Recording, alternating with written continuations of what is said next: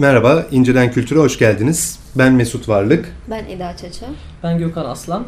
Bu programda İncelen Kültür'ün ve Kült dergisinin kendisine dert edindiği ana meselelerden biri olan akademi konusuna odaklanacağız. Bu konuyu sosyoloji, iletişim ve kültür tarihi konularındaki çalışmalarıyla tanıdığımız ve ülkemizin ilk kültüre incelemeler yüksek lisans programının kurucusu Profesör Aydın Uğur hocamızla üniversitedeki ofisinde konuşuyor olacağız. Aydın Hocam programımıza hoş geldiniz. Hoş bulduk. Şimdi hocam ilk olarak şöyle bir soruyla başlayalım dedik. Daha zihin açıcı olur diyerek. Ee, üniversite gerekli midir? Üniversite ne işe yarar? Ve e, toplumsal ve tarihsel işlevi nedir? Şimdi istersen ne işe yarar? Ee, iyi yerde çok işe yarar. Kötü yerde bir genç kuşağının hararetini almaya yarar. Yani birden e, lise sonrası gümbür hayatın içine girip istihdam kapılarının kapalı olduğu bir ortamda e, orta sınıf ve üst sınıfların çocuklarının kalmasının doğuracağı gümbürtüyü üniversiteye onları almak suretiyle azaltmış olursun. Böyle bir fonksiyonu vardır. Kötü kullanıldığında. İyi kullanıldığında aslında e, bilime ev sahipliği yapar. Yani bilimin has evidir. E, bunun ortası tabii bilim ne işe yarar sorusunu sormayı getirir. Bilim önünde sonunda insanın daha insanca bir yaşam yaşayabilmesi için gerekli verileri, bulguları, katkıları yapan temel kurum diye ben düşünürüm. Ee, bunun da en kendini rahat hissedeceği yer akademiyadır, üniversitedir. Çünkü üniversitenin çok önemli bir bana sorarsanız özelliği var. O da başka herhangi bir kurumda pek örneği görülmez bir şekilde dış iktidar odaklarında ilke olarak, bağımsız olarak kendisini e, kendisi geliştirir, üretir. Yani e, ilke olarak diyorum hep. Evet. Siyasi iktidardan, e, dini iktidardan, parasal iktidardan, kanaat iktidarından bağımsız bir şekilde e, kendi iç mensupları kendi kendilerini değerlendirir ve onların yükseltilme kararlarını verirler. Bu tabii müthiş bir şey. Ee, böyle dış dünyanın önceliklerini e, birebir e, sırtında hissetmeyen bir kurumun, bir adanın kalmış olması çok önemli. E, diyeceksiniz ki iyi de hani hiç mi bunlar etki yapma yapmaz olurlar mı? Çok derinde etki yapar dış iktidar güçleri. Yani piyasa aracılığıyla para güçleri, etki, siyasal etki yoluyla siyasal iktidarlar falan tabii etki yaparlar ama özünde gene de o ilkenin duruyor olması bence üniversiteyi insani kurumlar, toplumsal kurumlar bakımından biricik kılan bir yanı. Ee, şart mıdır üniversite? Ee, üniversite eğer bilimin en rahat ettiği ortam ise, ev ise o zaman evet. Ama bilim başka ortamlar bulabilirse kendisine rahat edeceği Üniversite sadece bir kabuktur zaten. O kabuğun içinde de hayatına devam edebilir. Şimdiye kadar peki nasıl yürüdü? Şimdiye kadar aslında üniversitesiz de bilim yürümüş. Yani baktığınız zaman e, mesela o büyük buluşlar, e, büyük yeniliklerin geldiği işte 17. yüzyıl, 18. yüzyılda filan akademiler var. Yani e, İngiltere'deki o işte Royal akademiler, Fransa'daki diğer işte bilimler akademisi, e, akademi Fransızlar şunlar bunlar ve orada da bir araya geliniyor. Aynı işle uğraşan adamlar. E, İlla ki bunların doktora filan almışlığı yok. Çünkü o sırada doktora veren yer yok.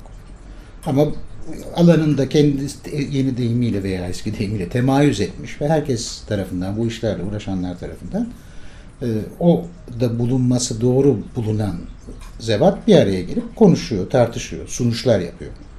Yani o zaman mesela e, Darwin'in hikayesi de böyle bir ortamda çıkıyor. Yani e, demem o ki hani üniversite olabilir, icat edilmiş tek e, bilim evi değil. Ama şimdi akademi ve üniversite diye bir ayrım o zaman ortaya çıkıyor.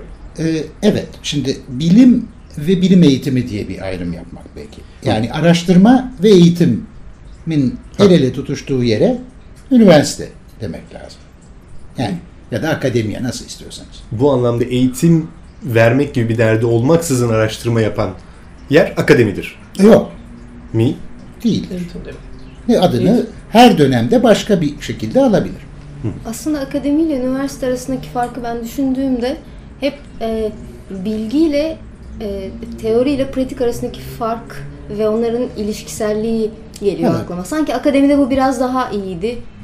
Şimdi akademi aslında ne kadar doğru bir benzetme olacak ama e, hani eşek ve merkep ilişkisi gibi.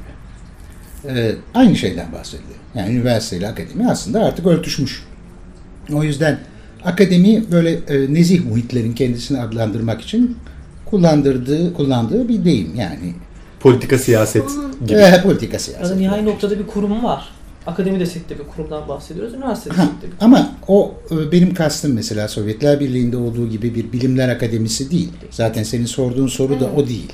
Evet değil. O genel olarak hani akademi adlı e, müesseselerden bağımsız olarak akademi adlı büyük e, şemsiye e, kategori. Hani, şu an çok Dediğim akademi gibi. kullanmıyoruz, üniversite diyoruz gibi. Tabii, tabii, düşünüyorum. tabii. Hat- hatta yüksek eğitim demek daha doğrusu. Evet. Çünkü e, baktığınız zaman o yüksek eğitimin yani orta eğitim sonrasının içinde iki yıllık eğitim veren yerler var. Bunların illaki üniversite olması şart değil. Mesela Türkiye'de bile meslek yüksek okulu diye Tabii. ayrı kurulmuş, üniversiteden bağımsız kurulmuş yeni bir takım birimler var. Eğitim birimleri var. Dolayısıyla hani böyle bir büyük şemsiye diye düşünmek lazım. Ee, bir de bunlar aslında yarı idari, yarı e, işte hukuki adlandırmalar. Bu değişebilir, edebilir ama akademi geleneği, demin senin söylediğin gibi ayrıca var. Sovyetler Birliği'ndeki akademi. Ee, bizde işte Türkiye Bilimler Akademisi bir şey olmak istiyor. Ne olduğunu kendisi de tam tarif edebilmiş değil ama işte onun kendisine e, hedef olarak koyduğu, özlediği oluşum o tür bir akademi. O senin söylediğin anlamda bir genel, yüksek kavrayıcı bir adlandırma değil. Ee, orada yüksek bilim adamları, kendini ispat etmiş olan bilim adamları e, etkileşir ve bir adım daha bilimsel arayışı yukarıya çıkartırlar e, şeyi var.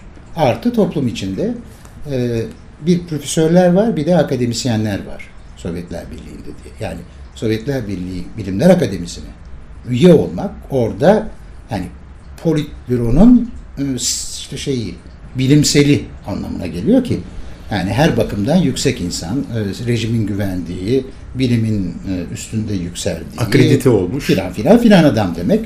Bana sorarsan tabii orada da öyle her önüne gelen sümüklü yer almıyor ama bana sorarsan o bir çeşit e, bir sosyal prestij makamı ve herkese bakın biz böyle işler yapanları da onurlandıran bir rejimiz demenin yolu.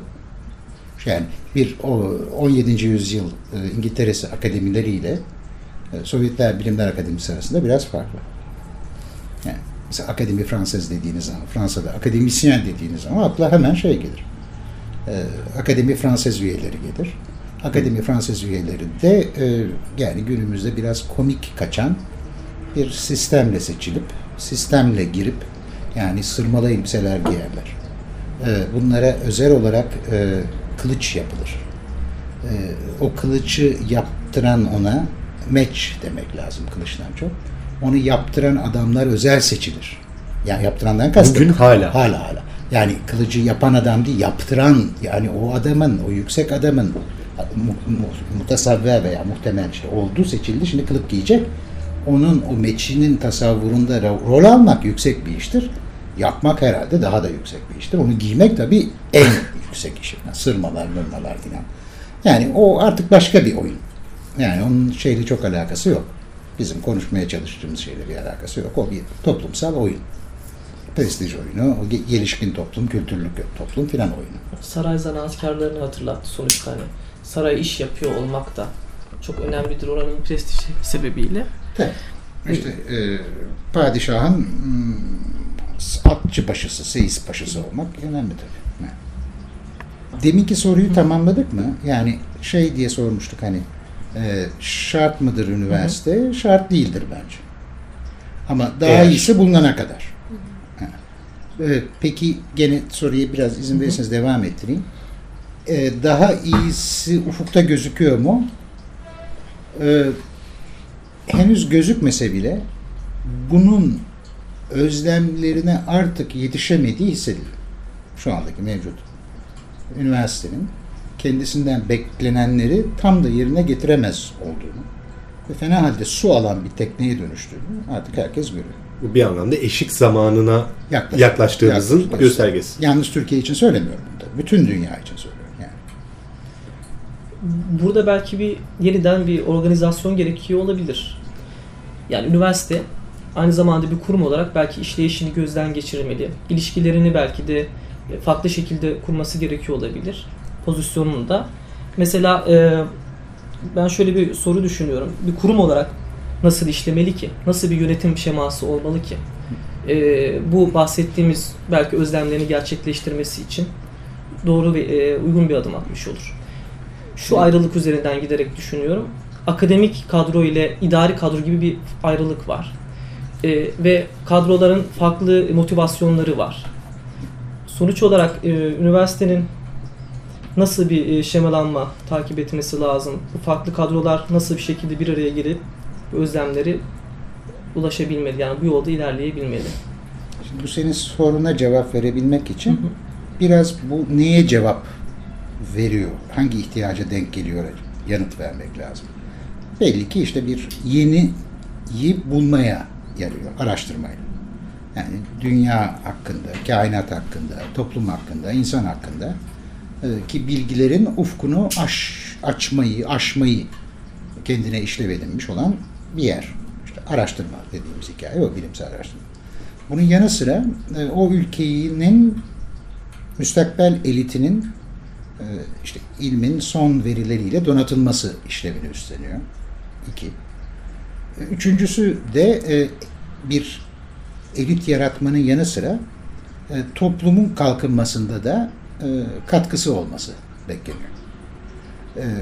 Dördüncü işlev karışık.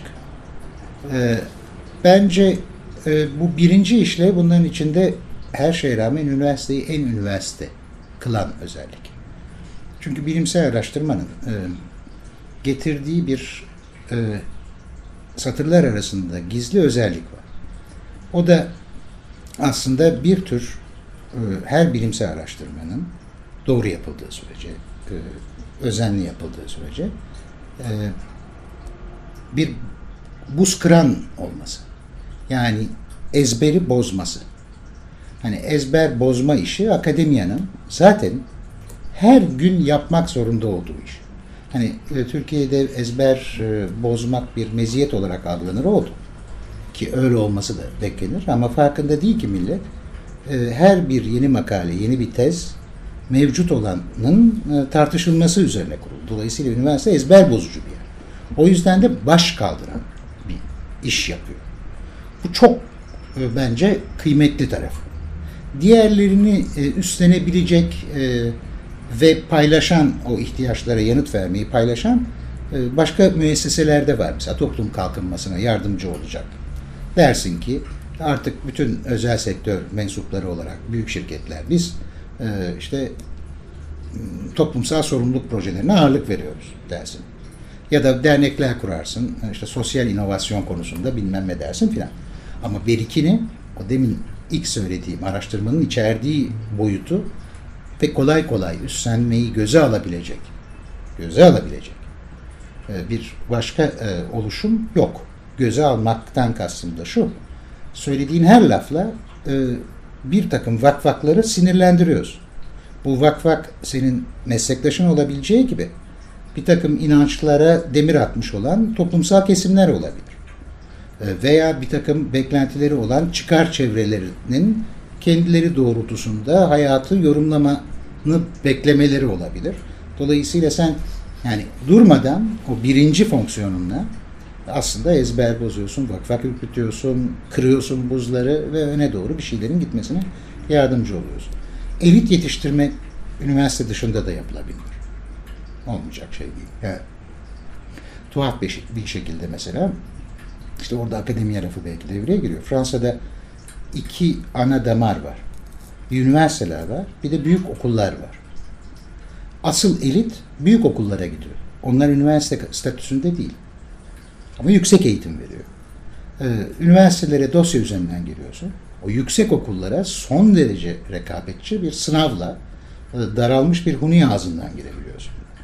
Biri 4 sene, biri 3 sene filan. Yani 3 sene olan büyük yüksek okul. Ee, yani böyle başka başka oluşumlar var. Şimdi yüksek okullar özleri itibariyle o işe bulaşsalar bile aslında araştırma yeri değiller. Yüksek okullar çok sıkı eğitim yerleri. Ee, yani en iyi eğitimi, en iyi işte eliti, teknik eliti, e, düşünsel eliti, idari eliti onlar yetiştiriyor. Tabii orada e, yer alan hocalar aynı zamanda araştırma üretimi de yapıyorlar ama oradan beklenen elit yetiştirmek lazım. Bizdeki mülkiye Mülkiye Ye- tradisyonu. denk geliyor galiba. Mülkiye gibi. Yani illaki siyaset. Çünkü politeknik mesela tuhaftır Fransa'da.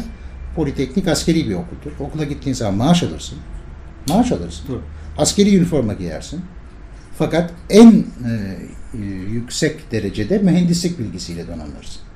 Çıktığın zaman da zaten seni kapar şeyler. Daha uygulamalı. Peki ikisi bir arada olmak zorunda mı? Eğitimle araştırma. Evet bence evet. Şimdi bu bu bu temel bir tartışma. Yani e, bilim adamlarının önemli bir kısmı eğitimi şey diye görür. Hmm. Ayak bağı, sıkıcı bir şey. E, böyle bir laf mikrofonda söylediğimi bilmiyorum ama dit- ditli e, sümüklülerle vakit kaybı e, olarak görür. E, şimdi bu bence doğru değil. Eğer siz e, bu eğitim işini e, bir konferanstan yüksek fikirlerinizi ötekilere illaki ezici bir şekilde aktarmak istiyorsanız karşıdakileri öyle görebilirsiniz ama gerçekten eğitim denilenin karşılıklı bir süreç olduğunu, öğrenmenin e, her iki tarafında aktif kılması gerektiğini düşünen bir hocalık e, arayışı içindeyseniz o zaman hakikaten hele master ve doktora seviyesinde e, araştırma yapan adam o araştırmasını çocuklarla paylaşıp onların verdiği tepkilerden yeniden düşünüyor olabilir. Yani bunu da e, popülizm, öğrenci popülizmi olsun diye söylemiyorum. Ben hakikaten birinci sınıflarla e, etkileşimim içinde bir sürü şeyi kafamda onlara anlatacağım diye berraklaştırdım. Berraklaştırmaktan öteyi de buldum. Yani kafamın bir yerlerini gizlenmiş e, ve işime sonra yarayacağını ve dehşetle gördüğüm bir sürü şeyi ben birinci sınıflarla tartışma sırasında çıkarttım. Tam dile dökerken aslında Tabii, tabii. Yeter ki siz karşıdakilerin e, birer e, sizinle az bilen ama entelektüel kıymet itibariyle eşdeğer olduğunu varsayın.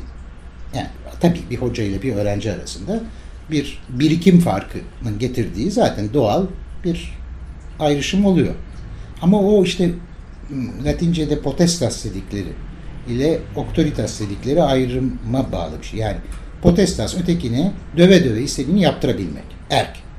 Auctoritas ise ötekinin kabulü üzerine kurulu, e, rıza üzerine kurulu saygıyı almak, kabulü almak, şeyi almak. Üniversitenin iyisi auctoritas üzerinden gider. Otorite üzerinden gider. Yani dolayısıyla e, hani e, şart mıdır? Şarttır bence. E, eğitimle e, şeyin e, araştırmanın el ele gitmesi şarttır. Çocuklarda sınanmayan, onlardan geri besleme almayan, e, onların hele sosyal bilimlerde, hele sosyal bilimlerde, onların e, geri bildiriminden beslenmeyen bir araştırmacının ben hafif güdük kalacağına inanıyorum. Bu da Humboldtian Üniversitenin tarifi biraz. Yani 1880'lerdeki Almanya'daki sonra Amerikan üniversitelerinin asıl e, üreteceği yani 1900 başlarından itibaren Almanya'yı da aşarak üreteceği model. Eğitimle e, şeyin araştırmanın el ele gitmesi modeli.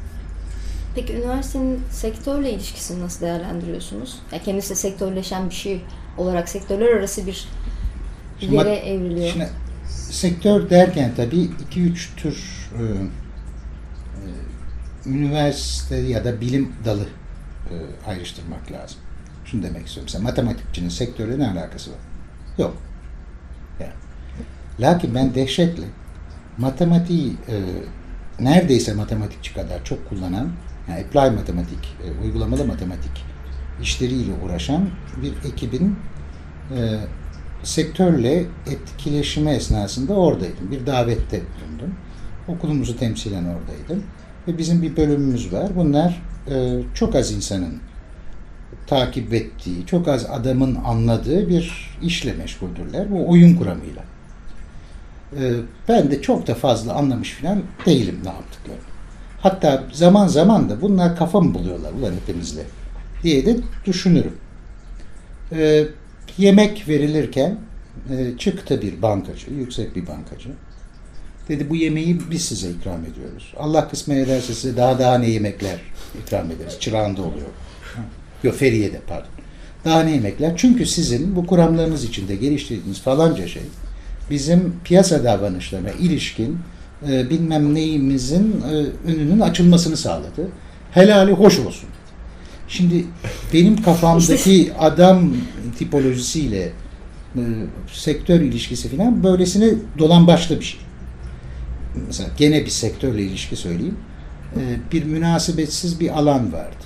Etnometodoloji diye. Sosyolojinin dış kapısının dış kapısı. Böyle insan davranışlarının e, gramerini bulacak filan diye böyle kodlanmış bilmem ne filan. Daha çok fenomenoloji üzerinden gelen bir şey.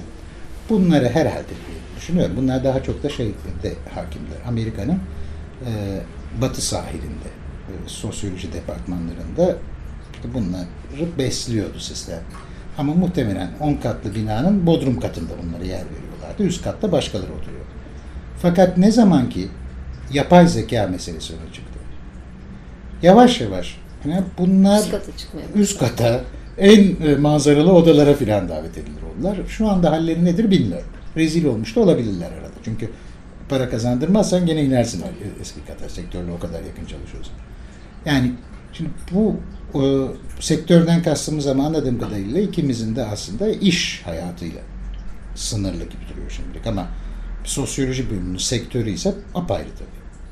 Yani daha çok e, toplumsal kesimler, tercihan da e, sorunlara muhatap olan, e, sorunlardan e, bizar olan kesimler. Şimdi hayır, üniversitenin sektörlerle ilişkisi mesafeli olmalıdır dediğin zaman her yer için bunu demelisin. Yani e, sosyoloji de uzak dursun hmm, şeylerden, e, bilmem atıyorum hmm, e, sektörden hmm, falanca bölümde uzak dursun mühendislikte demek ne kadar doğru bilmiyorum. Bu e, sektörün çıkarları doğrultusunda zihnini ve arayışını kurgulamamak şartıyla çok sağlıklı bir ilişkidir. Yani çünkü önünde sonunda bu demin dediğim gibi insanın yaşam kalitesini yükseltmek için. Yani tamam bilimin kendi mantığı var. Bilim özünde artık bir dönemde öyle değilmiş ya bilim için yapılır.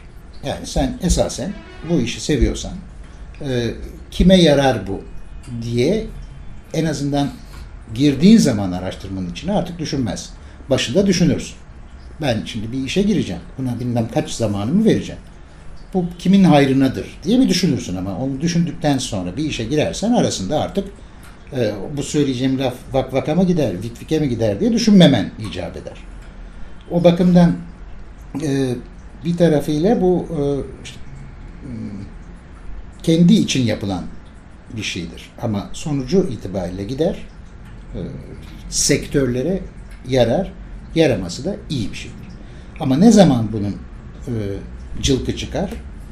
Sektörün öncelikleri senin de önceliklerin haline dönüşürse çünkü zarar şurada.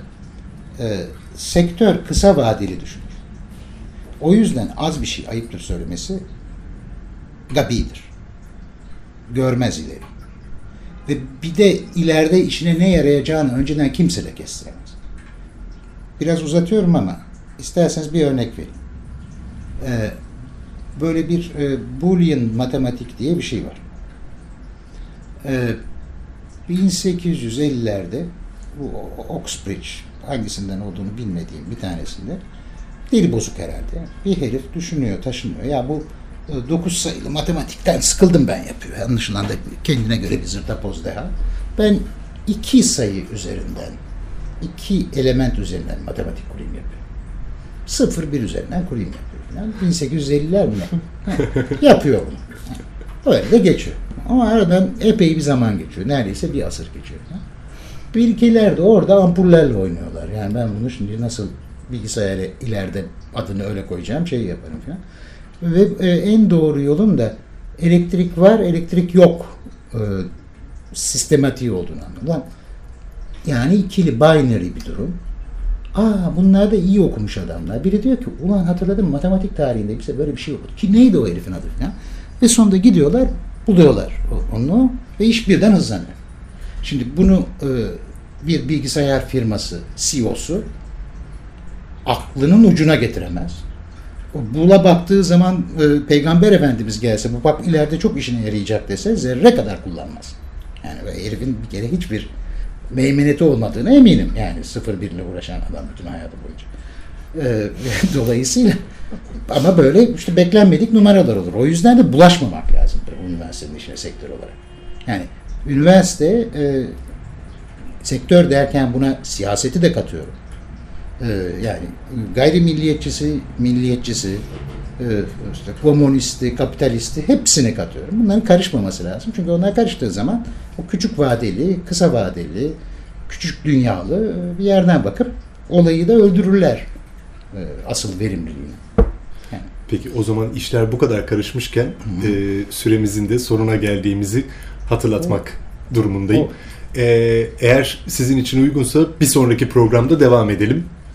E, Memnuniyetle. Bilmem yani e, işe yarar mı? Herhalde yarar. Ha. Peki. E, o halde İncelen Kültür'e burada şimdilik e, son veriyoruz. E, görüş, öneri ve eleştirileriniz için e-posta adresimizi hatırlatmış olalım. incelenkültür.gmail.com Ayrıca İncelen Kültür'ün Facebook sayfasında aynı amaçlar için kullanabilirsiniz. Bir sonraki programda yeniden buluşana dek şimdilik hoşçakalın. İyi akşamlar. İyi akşamlar. Ben de diyeyim mi? Lütfen. İyi akşamlar.